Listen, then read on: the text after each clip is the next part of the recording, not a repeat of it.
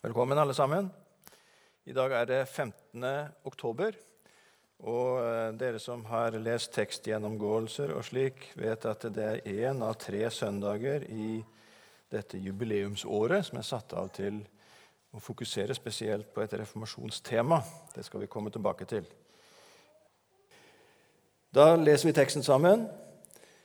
Den er Lukas 20, 45, og så over i kapittel 21, vers 4. Og Der leser vi sånn i Jesu navn, og jeg leser fra Bibelselskapet sin 2.11-oversettelse. Mens alt folket hørte på, sa han til disiplene.: Ta dere i vare for de skriftlærde. De vil gjerne gå omkring i lange kapper og liker at folk hilser dem på torget. De elsker å sitte fremst i synagogene og ha hedersplassene i selskaper. De eter enker ut av huset, holder lange bønner for syns skyld. Men de skal få desto hardere dom. Jesus så opp og la merke til hvordan de rike la sine gaver i tempelkista. Da fikk han se en fattig enke legge to småmynter i den, og han sa, 'Sannelig, jeg sier dere, denne fattige enka har gitt mer enn noen av de andre.'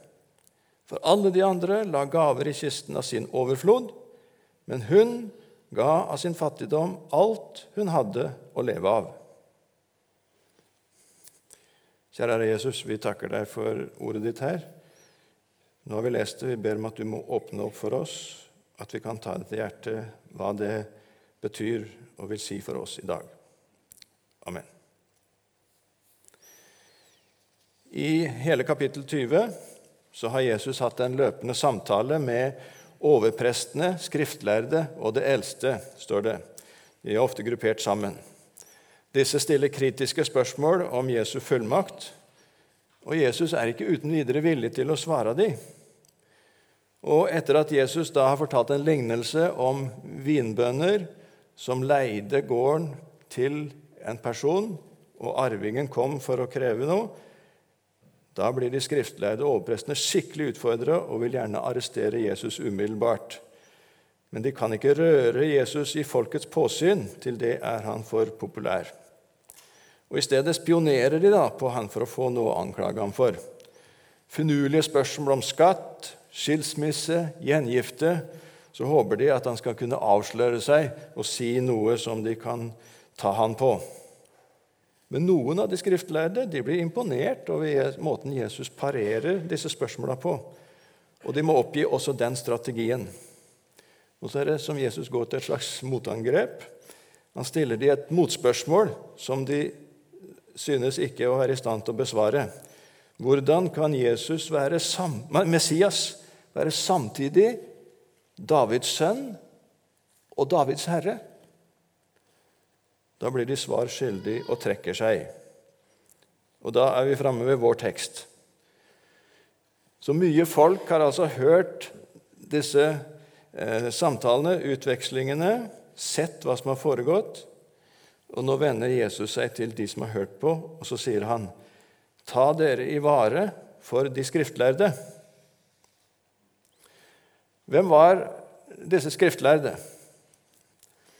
Etter at jødene var reist i eksil, og perioden fram mot Jesu fødsel, da var prestetjenesten i forfall. Og det dannet seg grupper uavhengig som via seg intenst til studiet av loven. Det var en traume så klart som lover folket. Hvorfor har Gud behandla oss på denne måten? Og de ville tilbake til Skriftene. Den formidla de skriftlig og muntlig, og så ble det også en muntlig tolkningstradisjon, ikke bare det skriftlige, men en tradisjon hvordan dette ble tolka ved siden av, som også ble ansett så viktig at den ble tradert samtidig og på lignende vis. Og Det skriftlærde dannet også synagoger, der de underviste og veiledet skriftlesningen, bønn, undervisning. Noen av dem var såpass høyt i samfunnet at de var medlemmer av Det høye råd. Og så må vi huske i den tid så var skriveferdighet og leseferdighet to forskjellige ting. Mange kunne nok lese, Men fordi eh, skriftruller og slik var enormt dyrt, så var det ikke alle som kunne skrive og tradere loven skriftlig. Det var ikke for hver mann. Og Dette her var altså de skriftlærdes posisjon. Å være skriftlærd det er en profesjonstittel, og de nøt stor respekt for det. De hadde elever, og en elev han ble forventa å lære utenat og gi videre nøyaktig hva de ble fortalt. Og Noen av disse kjenner vi navnene på, f.eks. Hillel, Gamaliel og Paulus. Husker du når han beskriver sitt eget liv i Filippebrevet og ellers, så var han student under Gamaliel. De skriftlærde var altså mennesker som folk flest så opp til. De var datidens jurister. Årelang opplæring for å lære å kunne anvende Moseloven på en riktig måte. De var fagpersoner som måtte konsulteres når det gjaldt å avgjøre ulike tvistemål. Derfor må det ha vært utrolig oppsiktsvekkende for folk å høre at Jesus advarer mot disse. Advarer. Ta dere i vare. Av hvilken grunn? Jesus hevder her i vår tekst at de var stolte, hovmodige, opptatt av fasade. Og det gjør han i seks punkter, så langt jeg kan se. Jesus sier at de går omkring i lange kapper, en slags uniform for å proklamere hvem jeg er, og hva min stand er. De liker å bli tiltalt med respekt, forventer at folk skal anerkjenne dem som lærde. De elska å sitte fremst i synagogene og innta hedersplasser som er reservert folk av høy rang og viktighet. Det var i offentligheten, men også i selskaper.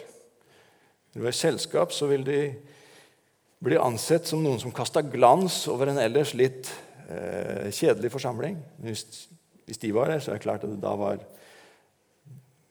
festen eh, høyere.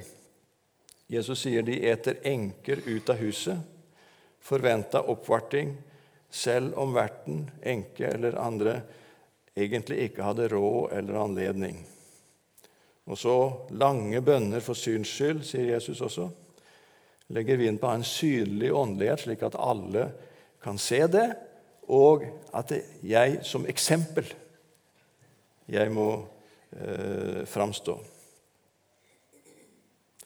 Alt dette er holdninger og handlinger som Jesus har omtalt tidligere.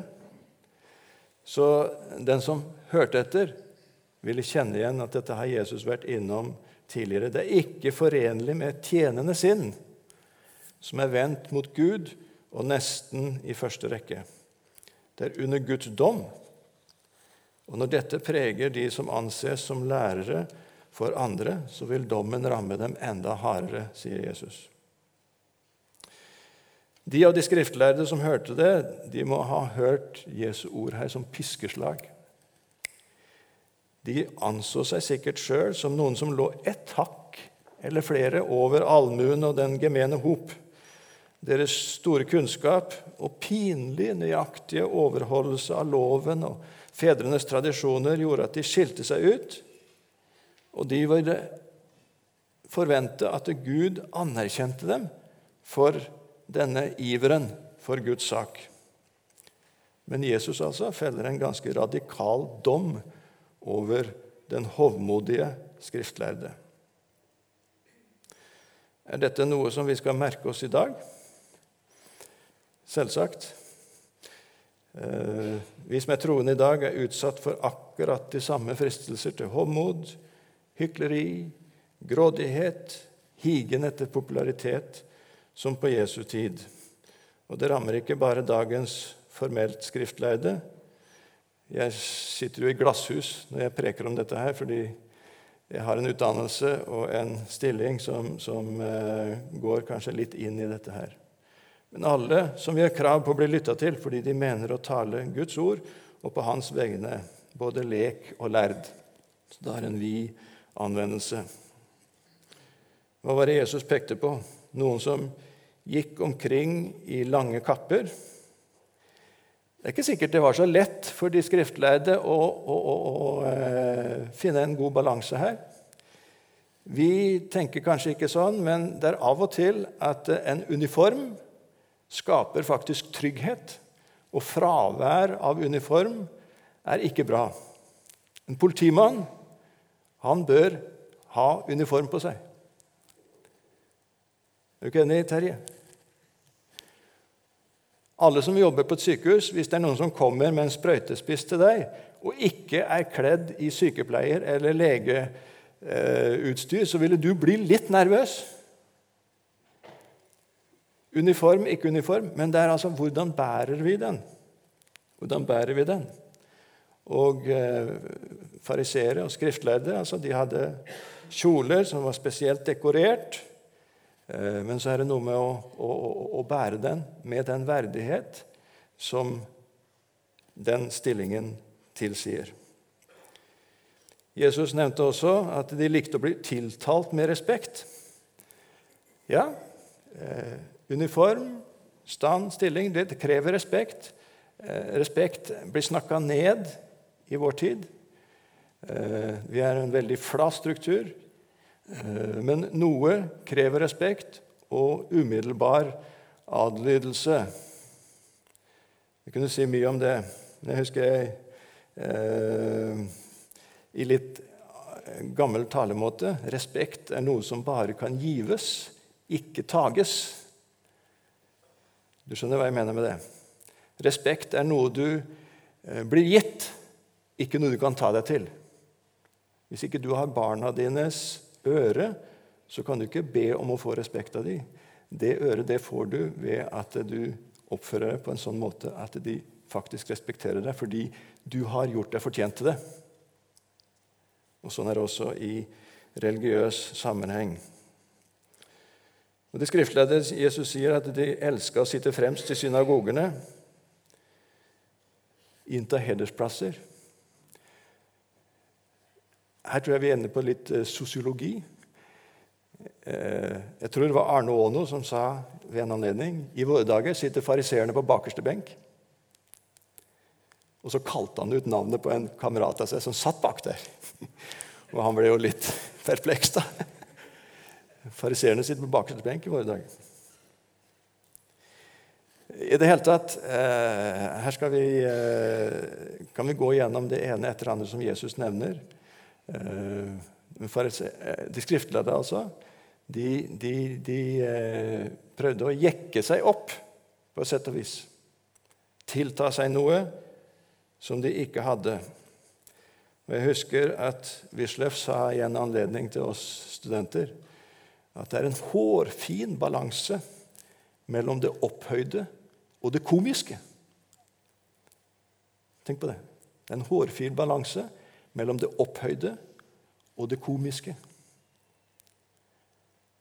En møteleder Nå er vi i glasshus her, Terje. En møteleder Du merker det hvis han har en naturlig verdighet når han står foran folk.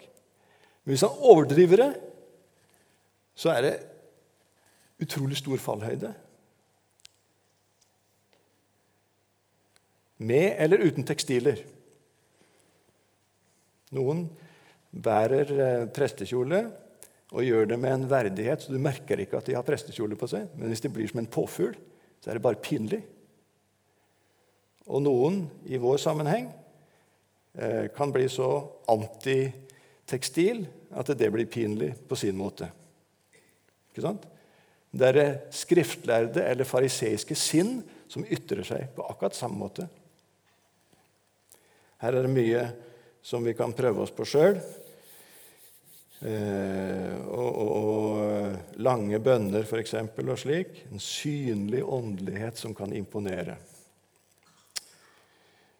Jesus, tilbake til teksten, han lar orda synke inn. Og jeg tror disiplene hadde veldig mye å tenke på i forlengelsen av det som Jesus sa der. Og Så tar teksten oss videre Jesus så opp, står det. Denne samtalen som han har hatt her, har tydeligvis foregått i tempelet. I de skyggefulle søylegangene var det vanlig å samles. Ute i forgården, der også kvinner hadde adgang, var det ulike kister der man kunne legge sine gaver. Det var visstnok mange. I en kommentar så jeg at det var opptil 19 på et tidspunkt rundt omkring på det kjempestore tempelområdet. Noen var til øremerkede formål, andre mer generelle. Godt synlig var det tydeligvis mulig for Jesus og de som var rundt ham, å se de ulike som gikk opp trappene til kista og overleverte sin gave. Sikkert stor variasjon. De rike bar stolt fram sin gave, fullt synlig, slik at det skulle bli lagt merke til. Kanskje noen til og med sørga for at gaven ble ropt ut. Hvem har gitt den, og hvor mye er den verdt? Da vi kom til Kenya, det, og fremdeles er det sånn, så er det noe som jeg ikke blir fortrolig med, er at når vi har innsamling i menigheter, så sitter det noen framme ved et bord og så skriver opp når de har spesielle innsamlinger, ikke kollekte. Og så sier de fra 50 skilling fra Lundeby, 100 skilling fra Strømme og sånn. Og så full klapp for hver gang. Jeg tror de bør lese en gang til tekstene her, for det tror jeg er en arv fra kulturen som de har tatt med seg inn i menighetene. Kanskje det også var en skriver framme ved en kiste som skrev ned, fordi det måtte jo være regnskap for det som kom inn, slik at det ikke eh, ble borte noe av det. En lysestake, et fat, så og så mange penger, osv. Og så ser Jesus og hans venner altså hvordan de én etter én kommer med sin gave. Og Jesus ser og henleder folk, eh, folks oppmerksomhet på akkurat hva de har snakka om nå. Det gis store gaver og en slags åndelig paradering for syns skyld. Men da er det en fattig enke som legger to småmynter i kista. Klesdrakta røper hun, helt svart. Hijab. Holdningen Hele kroppen bærer preg av et liv i motbakke og motvind. Men også hun ønsker å gi sin gave i tempelet. Men det ble ikke mer enn et par vekslepenger. Den minste myntenheten som man kjente der. Men da Jesus så denne enka, er at han snur seg til de andre og erklærer hennes gave er den største, for hun ga Gud alt hun hadde mens de andre bare delte med Gud noe av sin overflod. Kontraster. Når det gjelder størrelsen på beløpet, så er det jo ingen tvil om at tempelet fikk en større sum av den rike. Men når det gjelder hva gaven var uttrykk for, var det den fattige enka som gjennom sin gave uttrykte en hengivenhet og tillit som langt overgikk de rike. Men Jesus sier altså ikke at det var hennes fattigdom. Det er ikke det som gjør at, at han trekker henne fram. Jesus tegner ikke for oss noe fattigdomsideal, og heller ikke de første kristne menighetene. Eiendomsløshet i seg selv det kvalifiserer ikke til Guds rike. Det var heller ikke det vi kan kalle hennes beskjedne framtoning ydmykhet eller glede. Det står jo ikke noe om det. Poenget er at Jesus bemerker ikke hennes følelsesliv. For følelsen i seg selv det kvalifiserer ikke til Guds rike. Og Hennes gave det var uttrykk for et hjerteforhold, en gudsrelasjon, som hun kanskje selv en gang ikke egentlig makta å sette ord på. Mens Jesus og hans venner oppfatta og gjenkjente det. Så ved å se på denne tempelkisteseansen så kontrasterer igjen og, og Jesus på den ene side advarer mot de skriftleide og rike, mens han på den andre side løfter fram den gudhengivende fattige og foraktede som eksempel for sine etterfølgere. Hjerteforholdet til denne enka var det han ville peke på. Jeg tror jeg har fortalt det før her, men det tåler å gjentas.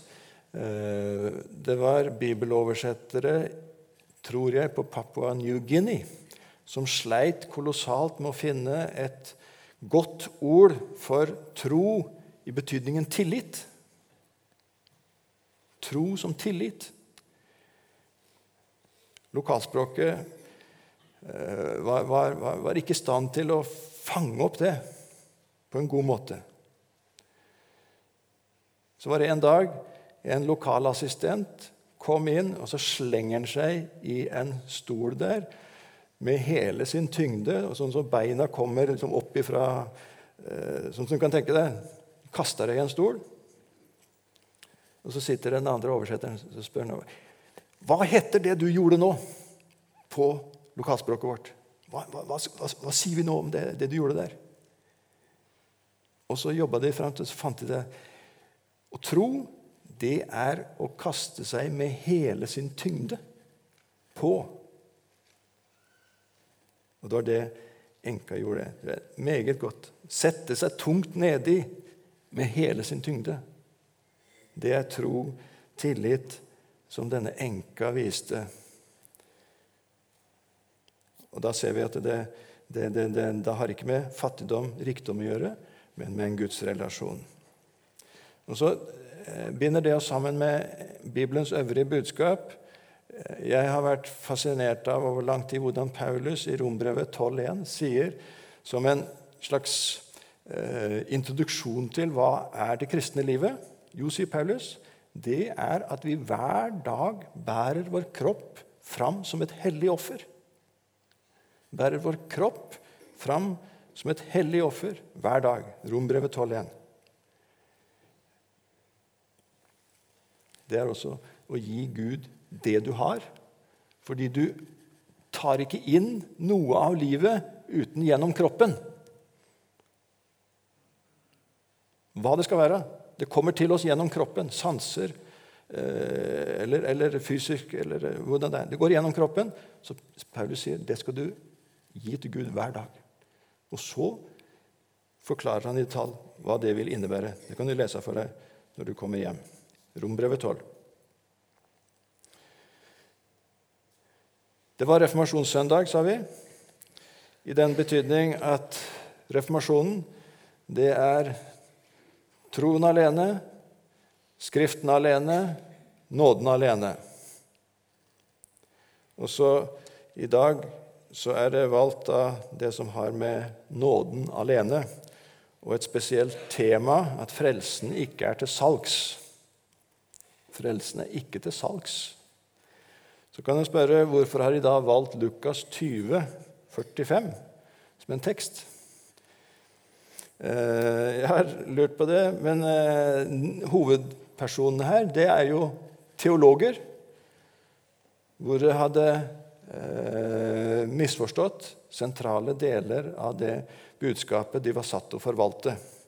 Og så retter, det, retter Jesus det opp, og så har en parallell til situasjonen på reformasjonstida, hvor teologien da også hadde rota det veldig til. og så Eh, kommer Luther med et viktig korrektiv.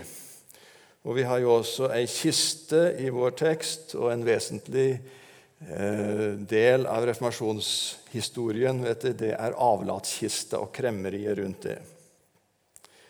Eh, jeg vet ikke om vi skal ta tid til å fortelle det. Det kan vi bruke tid på en annen dag. Det er på kveldsmøter ikke sant, som vi skal ta for oss det. Poenget var at noen hadde kommet inn i den det uføre, eh, hvor de ved å betale sum penger kjøpte reduksjon i skjærsilden. Det var det brevet sa.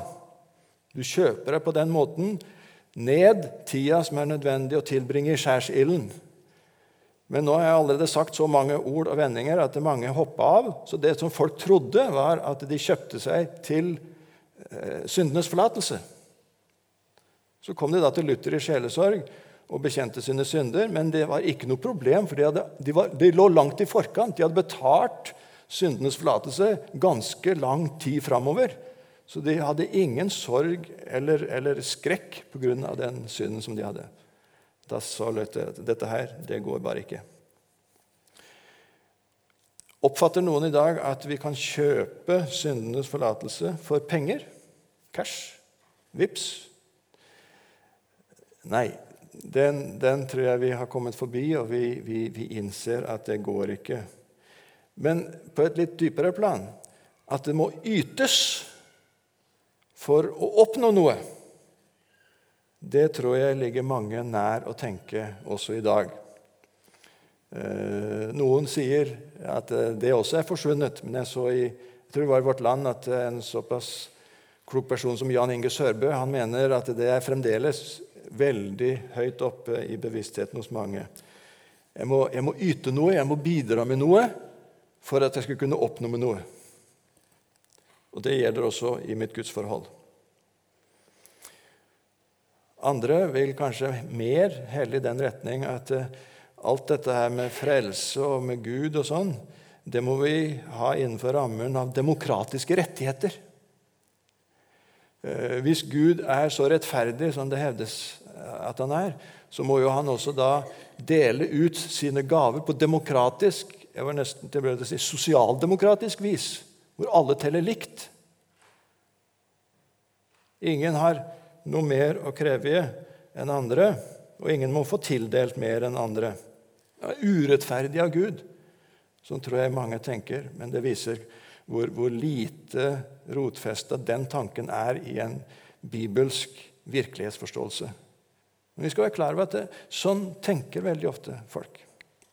Det, og det, det, det, er det, er den bagasjen de har med seg inn i dette spørsmålet som vi snakker om her.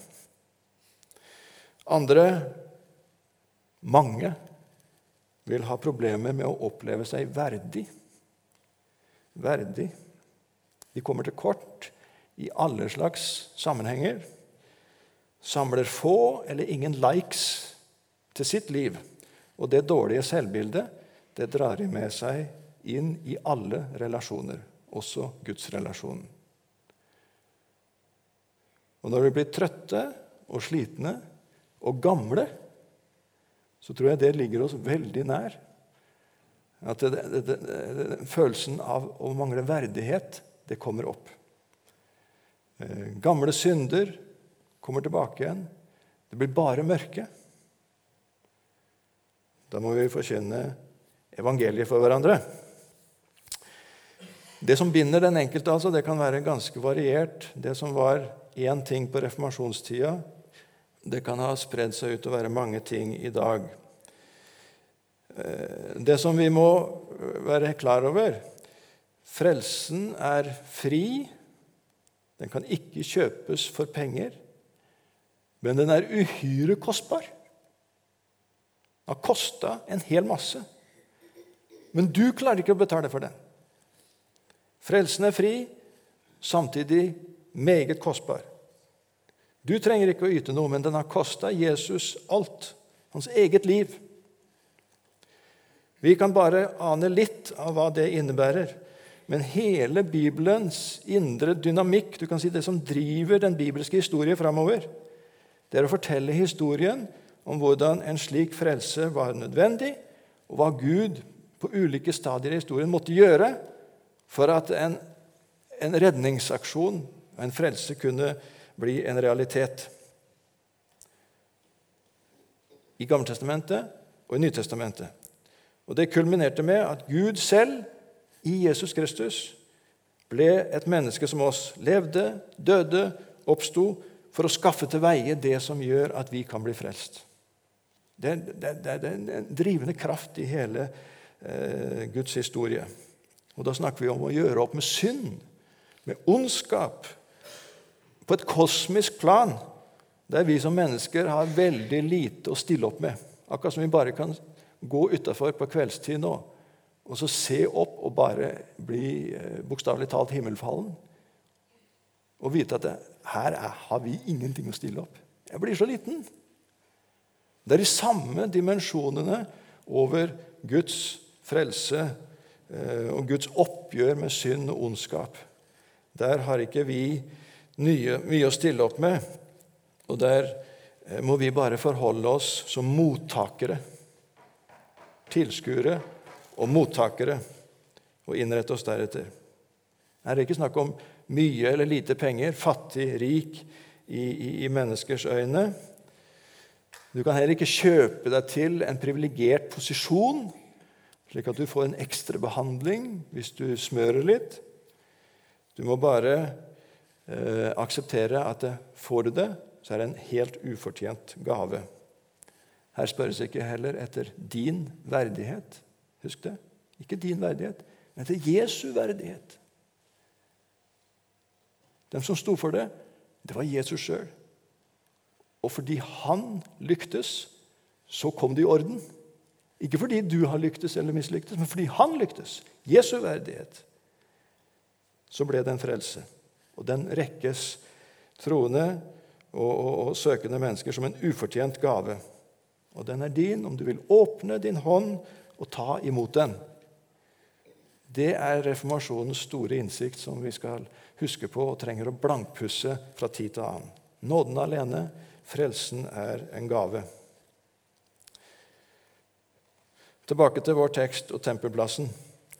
De skriftlærde de oppførte seg som om de, i kraft av sin visdom, kunnskap, status, dyktighet De hadde sitt på det tørre. Det hadde de ikke, sier Jesus.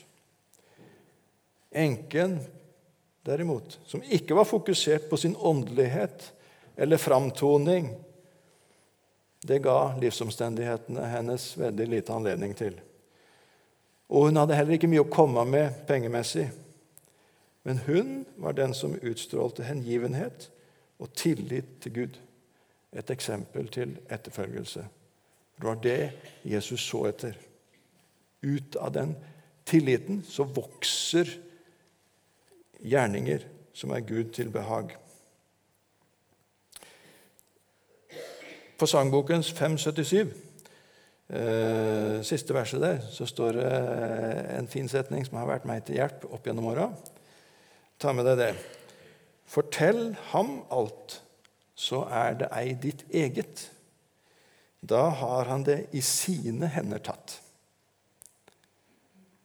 Sangen heter 'Fortell ham alt'. Sjette verset. Fortell ham alt, så er det ei ditt eget. Da har du flytta det over ifra deg til han. Da har han det i sine hender tatt. Det var det enka gjorde med sine to skjerv. 'Dette er mitt liv.' Så gikk hun glad derifra. Kjære Jesus, vi ber om at vi kan få leve på den måten som denne enka gjorde, om vi har mye eller lite, at vi hver dag fremstiller oss selv til disposisjon for deg, og så får du råd med det. Så skal vi få glad hvile i det. Da har du det i dine hender tatt. Amen.